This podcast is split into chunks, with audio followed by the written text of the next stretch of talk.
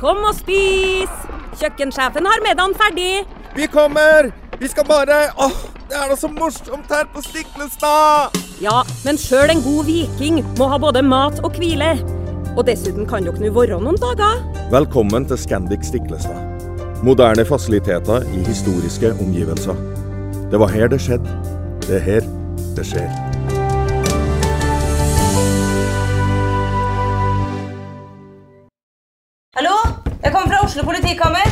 Ine Jansen er purk. Er du purk? The motherfucking bitch. Alt jeg vil, er å finne ut hva som skjedde med mannen min. Jon Carew. Er jeg sikta for noe? Iben Akeli. Det er du. Ole So, Lars Berrum og Big Daddy Karsten. Hvem sin side er du på, egentlig? Anette Hoff, Tone Danielsen, Kommer du fra Afrika? Jørnis Josef, Nesten. Kløfta. Trond Espen Seim, Det er synd å si det, men det var feil mann som døde. Purk. Premiere tirsdag på TV2 Play.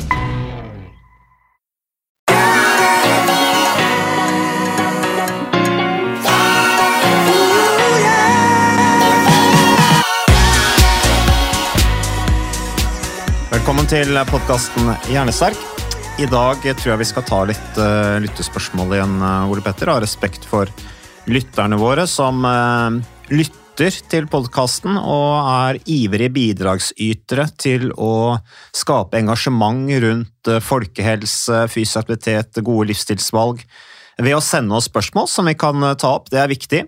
Det er bra. Vi er veldig takknemlige for de som uh, først og fremst lytter, men også de som er med og bidrar til podkastens innhold ved å, å sende spørsmål. Um, her kommer det et spørsmål uh, fra ei som har en datter på sju år som går på turn. Som regel ungdommer, skriver hun. De er 12, der trenerne er da 12 til 14 år, så er det bare ung, ungdommer som er trenere. Uh, de er flinke på turn, disse ungdommene som trener, og holder sånn passe god kontroll over gruppa. Men det er jo få trenere på en gruppe på ca. 30, og det er jo ikke lett. Det vet jo vi også, Ole Petter. Jeg, jeg, jo, du har jo også vært fotballtrener, jeg er fotballtrener. Det er ikke bare bare med disse små barna. Um, så de, hun er imponert over disse ungdommene. Uh, men de har, skriver hun, som en del av oppvarmingen, hatt noen styrkeøvelser. Uh, Pushups og situps, og selvfølgelig sitte i spagaten. Det er jo tross alt turn, skriver hun. I dag brukte de ca. 20 minutter på en lengre styrketreningsøkt, hvor over halvparten av barna gjorde de fleste øvelsene feil, selv om noen av trenerne gikk rundt og prøvde å rette opp. Dette ble fort kjedelig for barn som bare er åtte–ni år, og jeg tipper når jeg spør min frøken etterpå hvordan treninga var, så vil hun si at det var kjedelig, mamma. Og ja, styrketrening er kjempeviktig, skriver hun videre, denne moren, for å bli gode turnere, men de fleste etter kullet er ikke i nærheten av et konkurransenivå. Hva tenker dere om å ha så mye styrketrening i en times økt når øvelsene ikke blir gjort ordentlig? Og så skriver hun til slutt, vet eh, at tidligere ble det sagt at barn ikke skulle gjøre styrketrening før de var større, da det kunne være skadelig. Men hvordan er dette nå? Spørsmålstegn. Hva sier du, Ole Petter? Jeg eh, sier at eh, det er mye som tyder på at det er en myte at man må være større, eldre, kanskje til og med begynner å bli voksen før man eh, kjører styrketrening, og kanskje spesielt med ytre belastning med vekter og sånn. Det er det ikke noe Ingenting som tyder på at det er noe hold i det. Og, Sa du noe om med vekter òg? Ja, øh, altså barn og unge må gjerne trene styrke. Jeg skal si litt mer om det, da, men, Ja. men en av mytene har jo vært at det kan hemme vekst. og Det er det iallfall ingenting som tyder på. Og, og barn og, og unge er jo veldig egentlig litt sånn ideelle med tanke på styrketrening. De er veldig bevegelige og veldig mottakelige for øh, å lære ting veldig fort. Ja. Så det er absolutt ikke noe i veien for at barn og unge skal drive styrketrening. Heller ikke med, med vekter, men det må jo gjøres fornuftig. Ja. Og så må det gjøres riktig. Det er kanskje det jeg er mest opptatt av. Mm. Eh, Og Det er vel kanskje største grunnen til at det anbefales at barn ikke skal gjøre styrketrening. Nei, altså- nemlig det som moren her påpeker, at de gjør det jo ikke riktig. Nei, her er det mye teknikk. Jeg tenker Noe av det aller viktigste tenker jeg, det er jo, dette må være litt lystbetont, og det må være noe som passer målgruppen. Dette er syv år gamle barn. Ja. Jeg har en syv år gammel sønn. Er jeg, all ære til disse unge trenerne hvis de klarer å holde en gjeng med var det ikke 30 stykker da, syvåringer Ja. og få det til å gjøre pushups og situps. Ja. Ja, og det, det vil jeg sagt, det fortjener en pris hvis de får til det. Åtte-ni år, skriver Ja, så det er klart, Jeg mener ikke at vi skal begynne med, med vektbelastning hos syvåringer. altså Jeg snakker mer generelt. at Mm. Det er ingenting som tyder på at det er noe skadelig for barn og unge å begynne med styrketrening tidlig. Når de blir ungdommer, heller ikke at de begynner med bela vektbelastning. Men det er viktig at det gjøres riktig. Én for å unngå skader, og to for å få den effekten man ønsker. Jeg tror allikevel Noe av det viktigste her er jo lystbetont, så øh, det må være noe syvåringene syns er litt gøy. Så jeg, sånn generelt tips så tror jeg nok jeg ville eh, forkledd en del av disse styrkeøvelsene i lek, lekøvelser mer enn kanskje situps og pushups, og, som kanskje kan være artig å prøve en gang, men som jeg tror er vanskelig å få mange til å gjøre. Men det der å ta noen pushups og sitte oss på gulvet, det kan du gjøre feil uten at det får noe sånn voldsom skade. Ja. Men det der å trene vekter i et styrketreningsrom, du kan få vektene på beina, de Ja kan da, ja, miste ja, ja, ja. det, du kan, Nei, du, kan bli ah, helt ah, ute av kontroll. Men poenget mitt er det er ikke farlig for barn og unge å trene styrke, og det Mm. at man skal vente med det til man blir litt eldre, eh, det har vi gått mer eller mindre bort ifra. Og, og spesielt for de yngste barna så er jo alle mulige styrkeøvelser med kroppen som belastning. Eh, og man bør kanskje ikke kalle det det, altså forkle det som lek. Det er Ja. utrolig mye du kan gjøre som krever mye styrke, eh, med øvelser. Mm. Eh, som ikke er sånn 'nå skal vi ha styrkesirkel' eh, for syvåringer. Det tror jeg blir ganske vanskelig å få til i i, eh, I Norge, praksis, kanskje altså. ikke i Nord-Korea. Kanskje ikke i Nord-Korea. Turnere er jo ganske, ganske sånn eh, strukturerte og flinke. Så, eh, og jeg tenker at det er dumt å ha en time med styrketrening når øvelsene blir gjort feil. Så Ja. få litt hjelp, råd, veiledning, få et opplegg fra noen som kan det. Mm. Det er annet en app som heter Styrk, som er ganske bra, hvor du kan se forskjellige typer øvelser. eh, Hvordan de gjøres, og ikke minst hvilke muskler som belastes. Så Nei, men det er iallfall ingenting som tyder på at det å trene styrke for barn og unge er noe skadelig. Eh, igjen, jeg tror noe av det viktigste er at dette, iallfall for den aldersgruppen her, er lystbetont. Og skal de først gjøre det, så må de få litt veiledning, så det gjøres riktig.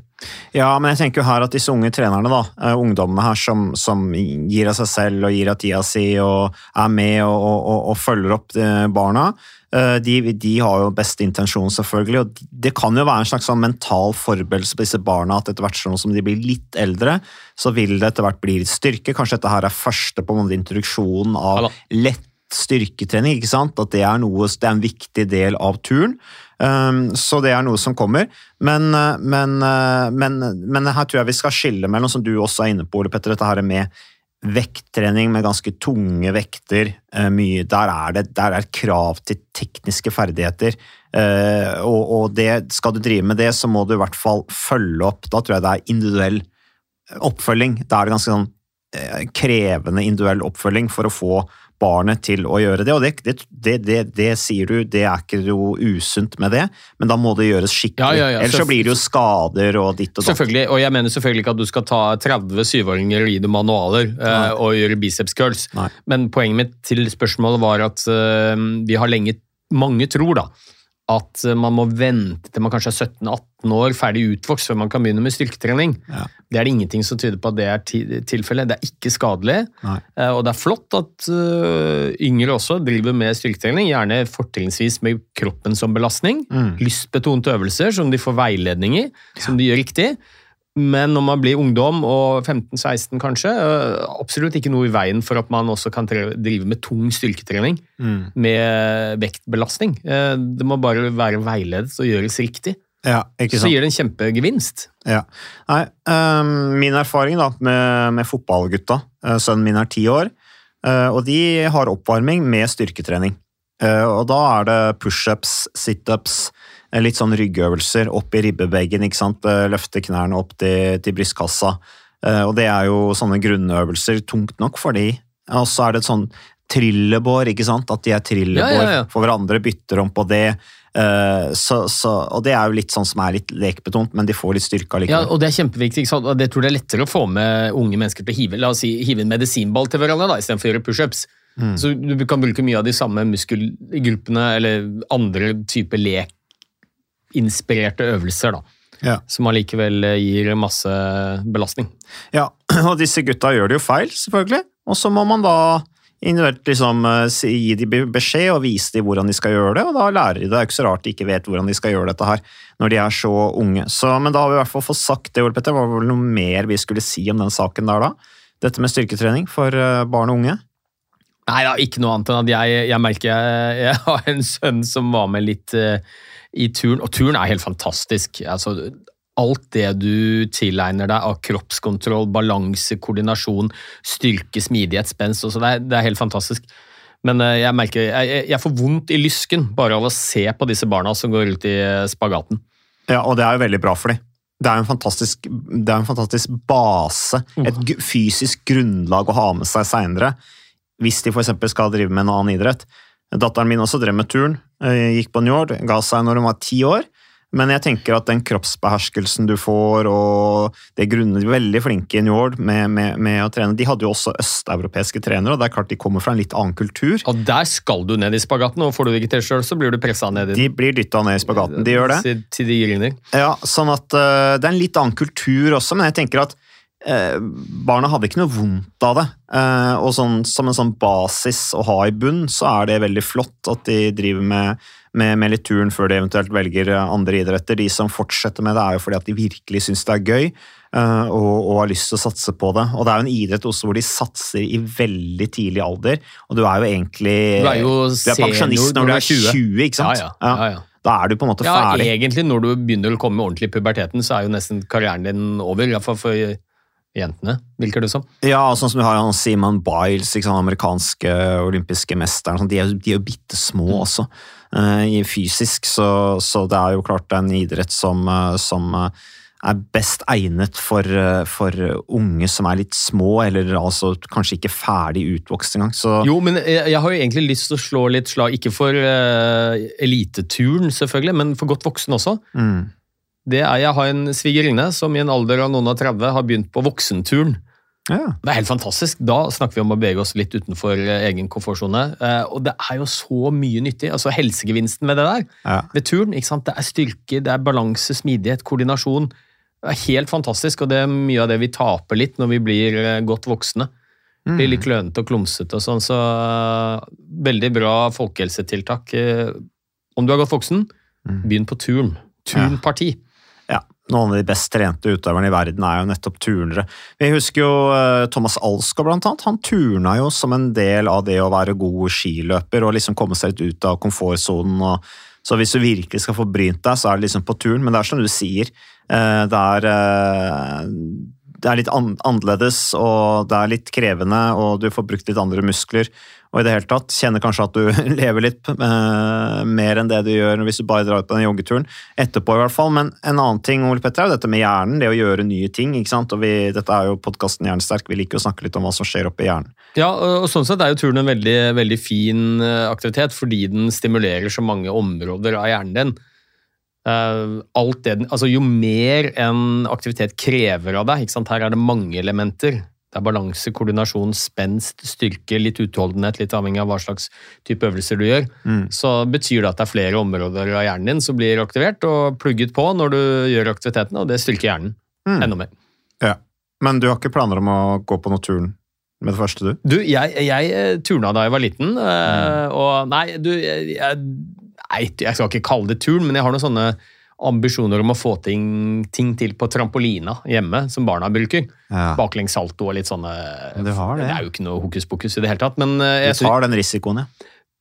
ja, jeg tenker det er større risiko å la være. Da blir jeg sånn Ja. eldre og forsiktig og klumsete. Da Ja. kommer jeg sikkert til å skade meg. Så Der er vi litt forskjellige, for jeg er sånn jeg bare, bare skygger unna alt sånt. Jeg, jo, men sånn har jeg også alltid vært. Mm. Jeg har på en måte dyrket de tingene jeg vet jeg kan. Mm. og som jeg er sånn pass, passe god på og føler mestring på, men det er noe med å ta de tingene som du er helt ræva på. Mm. Og jeg har en del sånne ting. Eh, Jeg turte ikke å prøve å ta baklengs salto, eksempel, eller dansing og alt mulig sånn. Da føler jeg meg bare klumsete og klønete, men det er et eller annet med å utfordre seg sjøl litt. Ja. Og da er det ikke så mye som skal til for å føle, føle mestring, da. Nei, og Klarer du det, så føler du deg helt konge. Ja, ja, og- nå har ikke jeg tatt den baklengs saltoen. Eh, Jeg hadde et prosjekt i fjor hvor jeg skulle ta baklengs salto i vann. Så det har jeg klart. Eh, Ja. For énmeteren, tremeteren og femmeteren baklengs salto. Så nå må jeg bare ta det over på trampolina, men jeg feiger litt ut. Skal gjøre det til sommeren. Det er målet. Ja, jeg er så redd for å slå kneet opp i nesa, opp i tennene og sånn. Når jeg skal dra Når var sist gang du gjorde noe for første gang? Det er sånn Ja, spørsmål det er jeg prøver å stille meg selv, eh, Ja. og det må være noe. Jeg må gjøre noe nytt. Kan ikke bare gjøre det samme hver dag. Nei, altså Forrige gang jeg gjorde noe jeg ikke hadde gjort på en stund, det var når jeg var på dette sikkerhetskurset for eh, offshore oljebransjen. Eh, og vi skulle senkes ned i vann i, festa i sikkerhetsbelter, og eh, her, eh, dette her helikopteret som vi satt ble snudd opp ned, og så skulle vi komme oss ut av sikkerhetsselen, slå ut vinduet, komme oss ut. Det var forrige gang jeg gjorde noe jeg definitivt ikke aldri hadde gjort før, og hvor jeg følte at jeg var langt utafor komfortsonen, og hvor jeg følte meg helt konge etterpå fordi jeg hadde gjennomført Ja, det. ja, man gjør det, og Jeg har jo hoppet mye fallskjerm, og det er jo en sånn aktivitet som veldig mange kanskje har på bucketlisten sin. Jeg skal hoppe fallskjerm en eller annen gang i livet. Mm. Og, og Da kan du ta et tandemhopp.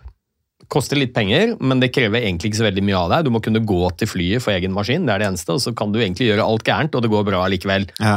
Men, og jeg har sett hundrevis, om ikke tusen, mennesker som har hoppa fallskjerm for første gang, og stått på landingsområdet, for jeg hoppa sjøl, når de lander. Og det, det, det der gliset og skrikene og, og, og den følelsen de beskriver, da, når du har gjort dette, overvunnet sin egen frykt. Selvfølgelig har du frykt for å hoppe ut av et fly, det skal, det skal man jo ha, Ja. men du overvinner den, og ja, det er, noe, det er en sånn gevinst i det der, altså. Å gå litt utenfor det du altså, Klarer å få til noe du kanskje trodde du ikke fikk til, eller ikke, ikke turte. Det bør ikke nødvendigvis være hoppe tandem, du kan gå i en vindtunnel og fly innendørs. Altså, gjør et eller annet nytt. Ah. Ja, Nå var det veldig mye med fallskjermhopping, men det kan egentlig være hva som helst. Ja, det er ditt domene, Ole Petter. Poenget mitt er bare å, å, å kanskje prøve å, å tenke at når man skal gjøre noe som man ikke har gjort før, det kan nesten være hva som helst. Mm. Skape mye mestring og utvikling. Ja, Så fra barn og styrketrening på turntreningene til eh, tandemhopp og gjøre noe du aldri har gjort før. Um, vi går videre. Um, på spørsmål Her er det en eh, person som skriver eh, Jeg har ikke nådd gjennom alle episodene deres, men, ha, men dere har snakket om fysisk Men har dere snakket om fysisk aktivitet og hjerneslag? Spørsmålstegn. Om ikke, tips. Har selv i en alder av 27 hatt mistanke. Sendt i ambulanse med kraftige symptomer. Det ble snakket om midlertidig blokade som løste seg selv, men endte på papiret med migrene med aura. Har aldri hatt lignende etterpå, heller ikke migrene. Etter et, tilfelle, etter et tilfelle av ung, overarbeidet mann som fikk hjerneslag, ble jeg litt ekstra opptatt av forebygging også for min egen del. Om det skulle være en blokade jeg hadde, hvordan forebygge? Hva tenker du om dette, Ole Petter? Her skal ikke jeg uttale meg. Nei, vi har vel snakket litt om hjerneslag, men kanskje ikke så mye. Aller først, hjerneslag er ganske vanlig. Mm. Det er omtrent 10 000 nordmenn som får et hjerneslag hvert eneste år. Det er den tredje vanligste dødsårsaken i Norge. Ukas annonsør det er eh, HelloFresh. Og eh, hvis du nå går inn på hellofresh.no og bruker koden 'fresh hjerne', så kan du få opptil 1779 kroner rabatt på da de fem første matkassene dine hvis du ikke har prøvd HelloFresh enda. Og Ole Petter, vi er jo glad i HelloFresh i podkasten Hjernesterk, eh, selvfølgelig fordi at de er en annonsør. De er med og bidrar til å spre det glade ordet om fysisk aktivitet og god helse. Men i tillegg så har jo vi også nå lang erfaring med HelloFresh Fresh selv. Så vi må jo si at det har vært gode erfaringer til nå.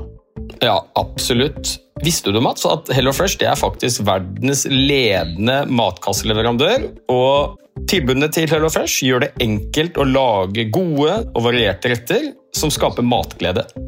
Og matglede vet du, det er like viktig som hva du putter i munnen. Det å spise mat med folk du trives med. Så gjennom 25 nye og inspirerende retter hver uke så bidrar HelloFresh til dette. Du kan bestille ekstra porsjoner om du får gjester, eller hoppe over uke hvis du f.eks. skal bort. Og Det er ingen bindingstid, og du velger leveringstidspunkt og dag selv, så leverer HelloFresh matkassen din akkurat når det passer deg. Ikke dårlig, Mats. Nei, det er veldig bra. Så, øh, og dette er med enklere hverdag, det kan jeg nå skrive under på. For nå, forrige erfaring vi hadde forrige uke, Ole Petter, det syns jeg var Det var jo et gjennombrudd øh, for familien Kaggestad. For da lagde rett og slett barna De lagde middag og serverte middagen, så den var ferdig laget og servert da når eh, min kone Marita og meg kom hjem fra jobb. Og jeg mener Det var jo bare helt utrolig. Eh, Det var helt fantastisk. Det ble en nydelig middag. Riktignok de, de, de, de roter og søler litt, det gjør de. Så, men, men maten ble veldig god. De var veldig stolte over å kunne ha både laget og servert maten, så det var helt fantastisk. Så vi har jo da i det siste så har vi eh, spist eh, bl.a. sitron- og dillstekt hyse med ovnsbakte grønnsaker og aioli. Eh, Vi har spist middelhavsinspirert kylling. Taco, så finnes det mange ulike typer taco. F.eks. vietnamesisk taco, som vi har spist. Thailandsk vegetargryte. Veldig riktig og sunt eh, i dagens eh, samfunn med, med fokus på bærekraft. Hvitløk og chilistekte reker i spagetti, det var definitivt en vinner. Så det er så flott. Du får rimelig mat ved at du kun betaler for det du trenger, så det blir ordentlig feststemning med Hello Fresh. Det gjør det, og nå er det bare for deg å gå inn på hellofresh.no og bruk koden FRESH gjerne. Da får du opptil 1779 kroner rabatt på de første fem matkassene dine, hvis du ikke allerede har prøvd HelloFresh. Du kan også bruke rabattkoden hvis du har stoppet abonnementet ditt for tolv måneder siden eller mer. Er det noe å lure på? Håper maten smaker godt. Bon appétit! etter eh, hjerne, nei, hjerteinfarkt og kreft. Og i motsetning til veldig mange andre sykdommer, kreft eller hjerteinfarkt, hvor du som oftest, hvis du overlever, så har du ganske godt funksjonsnivå etterpå.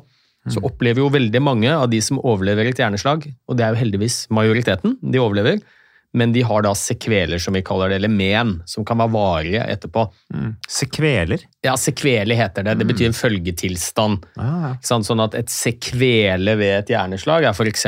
dårlig talefunksjon, som du kan ha fått fordi eh, hjerneslaget har rammet en del av hjernen som styrer med språkfunksjon, eller du kan ha nedsatt bevegelighet, mobilitet, altså lammelser, dårlig balanse, eh, for eksempel.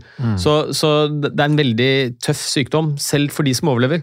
For Mange får veldig nedsatt funksjonsnivå og livskvalitet etterpå Ja. så er den veldig dyr. Så det er vel kanskje, uten at jeg har noen nøyaktige tall på det, den sykdommen ville vært mest samfunnsøkonomisk gunstig å kunne forebygge i større grad. Fordi at eh, de som over, det er mange som overlever dette, og de eh, er mye syke etterpå og krever mye av helsevesenet, og det er veldig dyrt samfunnsøkonomisk. Ja, ja. Ja, så hvordan forebygger du? Du kan absolutt forebygge hjerneslag. Det vi vet veldig godt, er at det er kanskje fire hovedgrunner til at man utvikler et hjerneslag. Røyking er en klassisk risikofaktor, og nå tar jeg ikke med den mest åpenbare, det er alder. Det får vi ikke gjort noe med. da. Så jo eldre du blir, jo større sannsynlighet for å få et hjerneslag. Men det har vel noe med hvordan du kommer inn i alderdommen å gjøre allikevel? Ja da, og Det betyr ikke at uh, blir du gammel nok, så får du et hjerneslag, men mange av disse risikofaktorene for å få et hjerneslag, de blir større jo eldre du blir. Ja. Uh, røyking det er en åpenbar risikofaktor. Uh, høyt kolesterolnivå. Mm.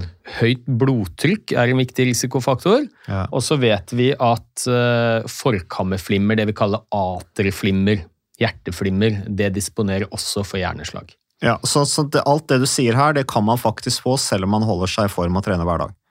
Ja, det Fordi kan at du få. A3-flimmer, du har jo alle disse tidlige toppidrettsutøverne Ja ja, ja. som har, har det, for eksempel. Da. Men, men eh, og, det, og det, det er helt riktig, det. og Det har vært mye diskutert det om det å trene veldig hardt. At det kan øke risikoen for forkammerflimmer, og det er det en del ting som tyder på. Vi ligger dårlig an sånn sett, da, men, både du og jeg. men det som er superviktig, er at um, man kan forebygge hjerneslag. Mm. Eh, og er du fysisk aktiv, så reduserer du sannsynligheten din. Uansett, altså, om du trener litt, eller om du trener mye, eller om du trener knallhardt, så er det en av de mest effektive måtene å redusere sannsynligheten for å få et hjerneslag på. Men ikke sant? Så hvordan forebygger man? Jo, man unngår røyk. Mm. Det er, det er viktig. Der hjelper jo samfunnet vårt, eh, samfunnet vårt oss ganske i stor grad, da. Ja da, ja da. Så det. der, er det jo langt, la, langt færre. Det er ikke noe sikre tall, det er alltid noen som spør om snus. Mm. og det er mye som tyder på at det er spesielt måten dette blir levert på, altså selve røykemekanismen, hvor du varmer opp både karsinogener og en del eh, kjemiske stoffer. Som, det er ikke noe mm, som tyder på at det å snuse øker risikoen for hjerneslag. Men det å røyke øker den betydelig. Ja. Så man bør prøve å unngå røyk. Blodtrykk og kolesterol bør holdes på et akseptabelt nivå. Det styres jo annet av kosthold og hvor mye du trener. Mm. Litt gener, selvfølgelig. Det får du ikke gjort noe med. Nei. Og så er det dette forkammerflimmeret. og det, Forebyggingen der ligger jo i at alle som har fått den diagnosen atriflimmer, eller forkammerflimmer, de bør stå på eh, det vi på folkemunne kaller blod, blodfortynnende. Mm. Som forhindrer da hjerneslag. Stress og søvn vil vel også selvfølgelig ha negativ påvirkning her, ikke sant? Dette spiller jo inn fordi Mm. at stress og søvn påvirker blodtrykk. Det Ja. påvirker kolesterolnivået kolesterolnivå også, faktisk. Ja. Sånn at ting henger sammen. Så det å ha høy vekt, være inaktiv, det er også risikofaktorer. Men her snakker vi om kall det de direkte målbare risikofaktorene. Ja. De viktigste er røyking. Mm. Det er eh, høyt kolesterol, høyt blodtrykk og forkammerflimmer. Mm. Eh, og så kan det være greit å si at vi har to hovedtyper med hjerneslag. Vi har det vi kaller som han kaller blokade, da, vedkommende. Ja. Nå sier jeg han. ja, han eller hun, det vet vi ikke. Vi har, jeg anonymiserer jo alle Nei, men han skriver 'ung, overarbeidet mann', så da er det jo en mann. Okay. Ja. Ehm, han kaller det blokade. Eh, det kalles på fagspråket hjerneinfarkt, altså at en blodåre tilstoppes i hjernen. Mm. 85% av alle hjerneslag omtrent skyldes en eh, sånn fortetning i blodårene. Aterosklerose kalles det, gjerne med en blodpropp som lages. Ja. Ja, Det, det det- kommer jo ofte av høyt kolesterol, ikke sant? Ja, Det henger sammen med det, og høyt Mm. blodtrykk. Ja. eh, Og Mm. også røyking er med på å øke risikoen for det. Eller du kan få det ved disse forkammerflimmerne hvor det er en propp som løsner. 15% av hjerneslagene skyldes blødning, omtrent. Så 85% skyldes trange blodårer som tettes igjen.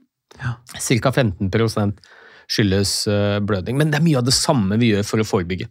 Mm. Og noe av det mest hvis, hvis noen hadde sagt til meg hva er det jeg kan gjøre for å redusere sannsynligheten for å få et hjerneslag så mye som mulig, så ville jo det vært mange av de samme rådene som vi gir for hjerteinfarkt og veldig mange andre tilstander også. Hold deg unna røyking.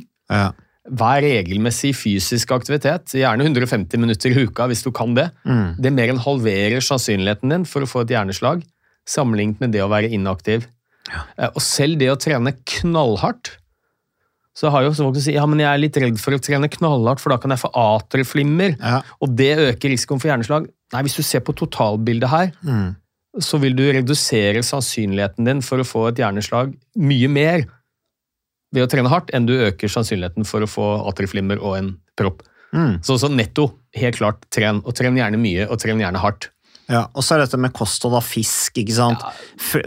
hva slags type fett du får i deg. Bruker du olje is- istedenfor smør? Ja, Og og her, ting, da. og her er det, hvis, hvis du skulle si noe veldig enkelt her, hvis du kunne sagt tre ting, da. Eh, Jeg er mest opptatt av å snakke om hva man bør spise mer av, Ja. eh, enn å snakke om hva man bør spise mindre av. Så vet vi at eh, disse sunne fettsyrene, som vi gjerne får fra planterike, flermettede fettsyrer, Mm. vi får det fra nøtter, vi får det fra avokado, vi får det fra planteoljer, Ja. og så får vi det fra fet fisk. Omega-3.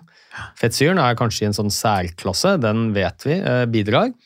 Spise mye frukt og grønt, Mm. fem om dagen. Ja. Da får du disse antioksidantene som også er med på å beskytte mot hjerneslag. Ja. Og så er det spise mye fiber. Fiber er bra. Altså grov, grove karbohydrater. Ja, som varer en stund, Ja? Ja. Ja, Grove konsorter, velge det hvis du kan. Mm. Eh, Er med på å redusere kolesterolnivået, blant annet. ja. Stabilisere Ja, og så er det jo selvfølgelig søvn. Søvn er bra. Mm. Mm. Trenger det. Ja, Sosiale relasjoner. Det er, Ja, ja. det er mye av det samme, da. Ja, og hun, Så- eh, hun eller han her, det er vel hun eh, som vi tror har jo hørt gjennom nesten alle episodene, så det ligger jo allerede mye tips eh, bakover i rekka av episoder. Ja, og så skal det jo sies at eh, det er vanskelig å si noe sikkert om akkurat denne sykehistorien. Her virker det som det er litt usikkert hva som var diagnosen, om det var en blokade, som han kaller det, altså en blodpropp eller en, eh, et hjerneinfarkt, eller om det var noe annet, migrene f.eks. Men jeg vil jo si at det er ganske sjeldent at 27-åringer får hjerneslag. Ja. Selv om man har overarbeidet, overarbeidet og stressa. Så majoriteten av pasienter som får hjerneslag, er jo 60 år pluss. Det var veldig tidlig. 27 er tidlig. Ja da, men vi ser det, og, og de gangene det er litt yngre mennesker som får hjerneslag, så er det som oftest blødninger. Men det går an å få de unge ung alder. Men ja, poenget var at dette kan iallfall forebygges. Men jeg tenker på en ting, eh, Ole Petter, bare sånn når vi snakker om eh, tallet 27 år, eh, eller altså det, det er ungt. Det er ikke sånn man Det er som du sier, liksom de forutinntatte holdningen er at man ikke får hjerneslag som 27-åring, eh, selv om det, det kan skje. Men kan det dette er sikkert et teit spørsmål, men, men kan det være at vi i fremtiden får flere yngre som får hjerneslag pga. dårligere kosthold, eh, mer inaktivitet? Ja, det kan tenkes. Nå har, nå har det jo faktisk gått motsatt vei, altså. Ja. Um, fram mot nå, annet fordi det er så mange i befolkningen som har sluttet å røyke. Ja. Og så har vi blitt mye flinkere til å behandle, sånn at det er færre som dør av det. Men klart, det er jo en ting man bekymrer seg for, hvis den trenden fortsatt, fortsetter med inaktivitet og overvekt fedme, som begge to påvirker risikobildet negativt, så, så er det selvfølgelig noe man kan begynne å lure litt på. Eh, Jeg har bare lyst til å si at dette med hjerneslag relativt få unge som tenker så mye over det, for det er en sykdom som de fleste av oss assosierer med godt voksne Ja. mennesker. Eldre. De fleste kjenner noen som har hatt et hjerneslag. Og det er jo helt riktig det, de aller fleste som får denne sykdommen er eldre, men det er de samme risikofaktorene for å utvikle hjerneslag som det er for hjerteinfarkt, som kommer mye tidligere. Mm. Så det vil gi en, selv om man eh, kanskje ikke er i gullalderen i anførselstegn for å få hjerneslag, så er det greit å passe på disse tingene allikevel. Kolesterol, eh, blodtrykk, Ja. røykevane, søvn, fysisk aktivitet. 11,9% av alle dødsfall på verdensbasis skyldes hjerneslag. Så øh, sykdomsbyrden er ganske enorm. Og så er jo det som er spesielt med denne sykdommen Hvis du ser på de tre vanligste sykdommene som rammer oss, og som er dødelige, så er det hjerteinfarkt, kreft, og så er det hjerneslag. Det at hjerneslag rammer hjernen, gjør jo ofte at konsekvensene av sykdommen eller tilstanden er mye større. Mm. Fordi at du må ofte leve med senkomplikasjonene. Så Og det kan være alt fra lammelser til ikke sant? du ikke klarer å snakke, Det kan være- en, en, en hjerneskade.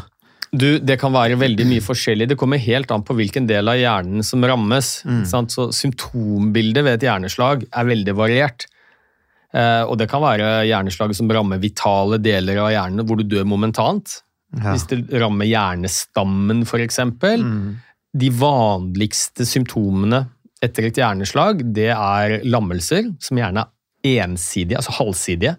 Ja. ene halvdelen av kroppen plutselig mister kraften. Eh, og så er det eventuelt taleforstyrrelser, språkforstyrrelser.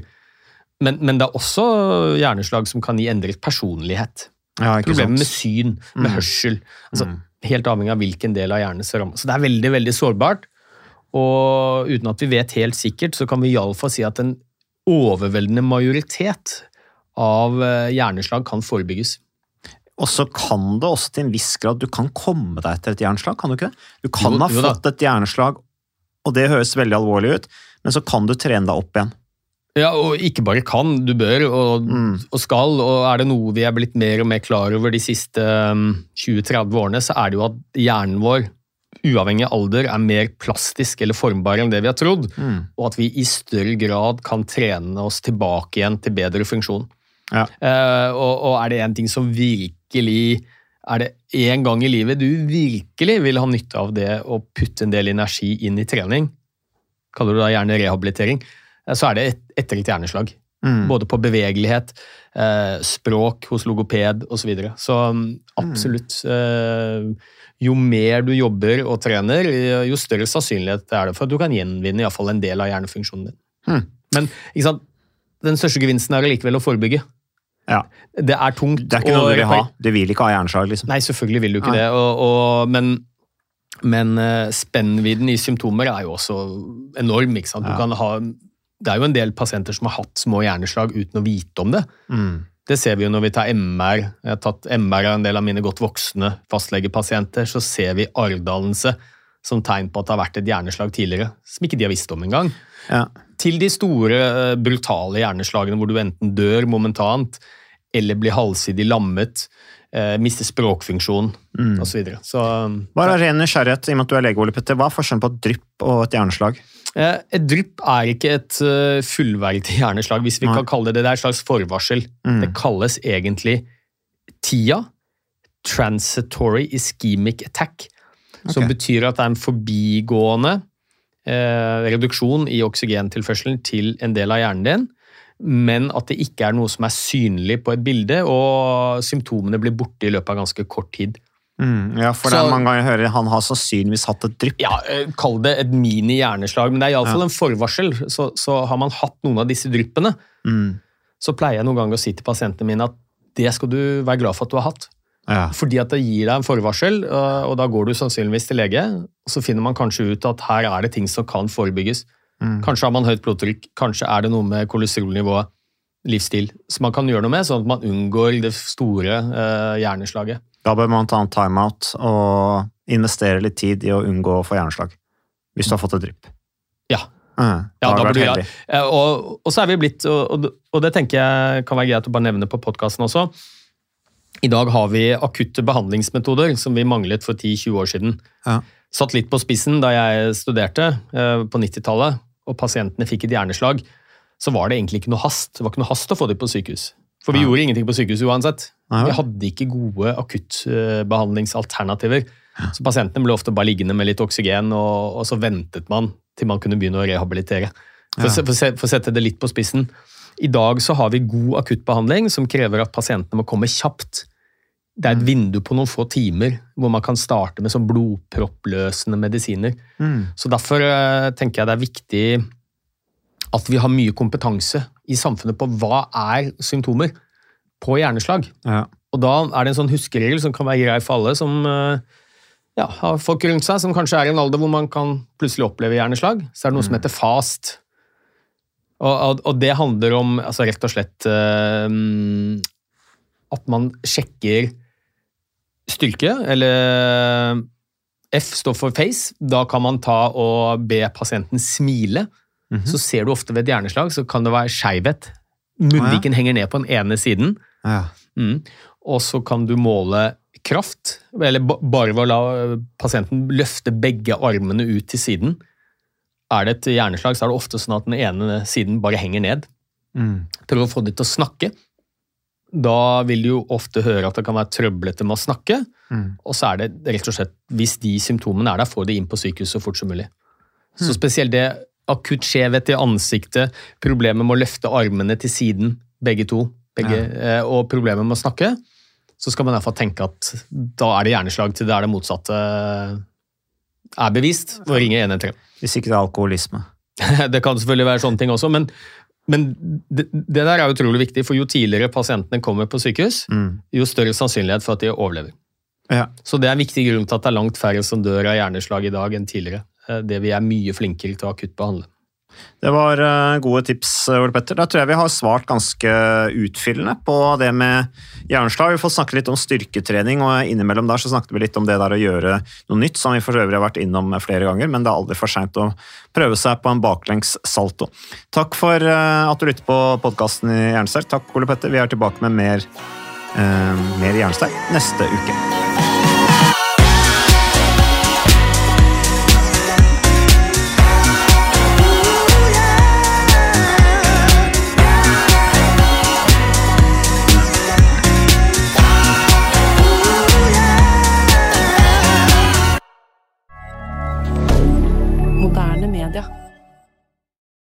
Har du et enkeltpersonforetak eller en liten bedrift?